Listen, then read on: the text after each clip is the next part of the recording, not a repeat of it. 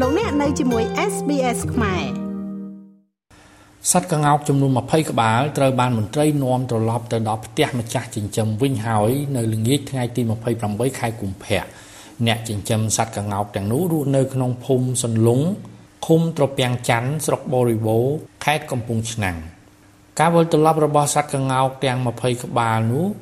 ត្រូវបានរៀបចំដោយរដ្ឋបាលព្រៃឈើនៃក្រសួងកសិកម្មរុក្ខាប្រមាញ់និងនេសាទ ដោយមានការចូលរួមពីអភិបាលរងខេត្តប្រធានមន្ត្រីកសិកម្មខេត្តនិងអាជ្ញាធរមូលដ្ឋានផងដែរ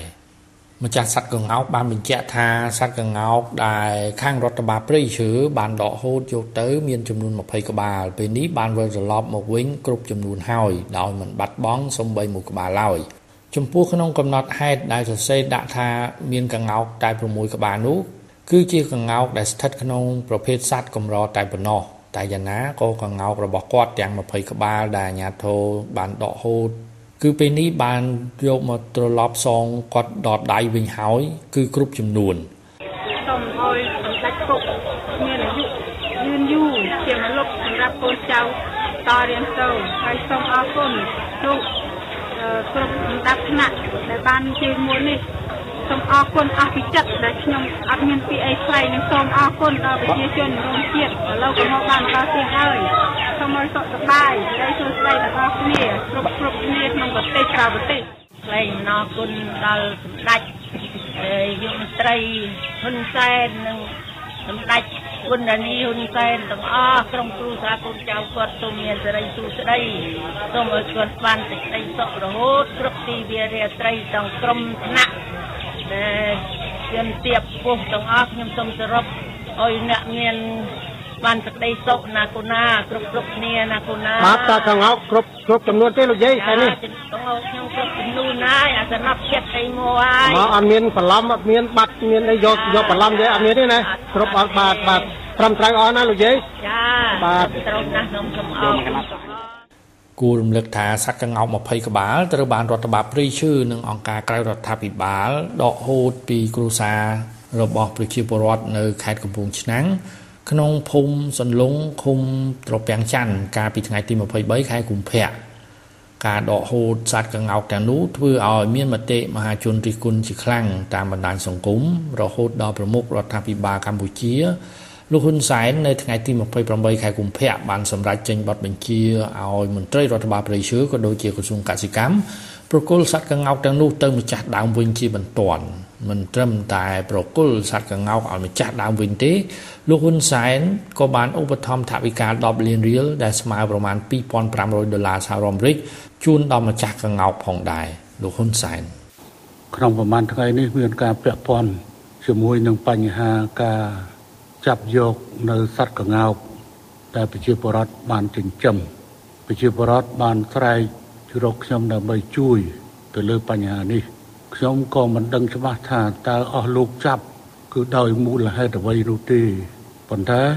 រឿងរ៉ាវទាំងឡាយគឺខ្ញុំទុកមួយឡែកតែខ្ញុំសូមចេញបទបញ្ជាបន្តសូមឲ្យអ្នកទទួលខុសត្រូវដែលបានយកសត្វចេញពីផ្ទះរបស់ ក្រុមគូសាដែលចិញ្ចឹមសត្វនេះ យកទៅជូនដល់ផ្ទះវិញតែម្ដងគឺខ្ញុំមិនយកមិនយល់ស្របជាមួយនឹងទង្វើបែបនេះនោះទេ យើងគួរតែលើកទឹកចិត្តឲ្យប្រជាជនចិញ្ចឹមសត្វដែលចិត្តផុតពូជជាជាងទៅចាប់យកសត្វដែលប្រជាជនខំចិញ្ចឹមយកមកទុកនៅទីកន្លែងមួយ ដែលវាមិនយូរប្រហែលទេសត្វនេះវានឹងស្លាប់បើសិនបើខ្វះការថែទាំ និងខ្វះការយកចិត្តទុកដាក់មុននេះខ្ញុំក៏មានចិញ្ចឹមសត្វក្ងោកច្រើនដែរក៏ប៉ុន្តែដោយសារបារម្ភទៅលើបញ្ហាចៅចៅរបស់ខ្ញុំខ្ញុំក៏ឲ្យយកសត្វក្ងោកនេះទៅទុកនៅកូនទៅកូនប្រុសរបស់ខ្ញុំវិញអញ្ចឹងទេគ្មានហេតុផលណាមួយ ដែលនឹងត្រូវទៅចាប់យកសត្វក្ងោកដែលប្រជាជនចិញ្ចឹម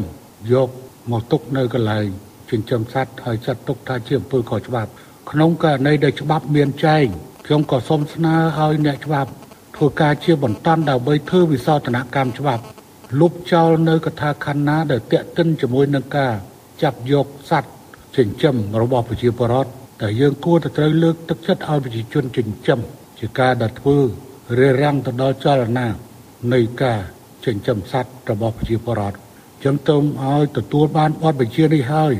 មន្ត្រីពាក់ព័ន្ធក្នុងក្រសួង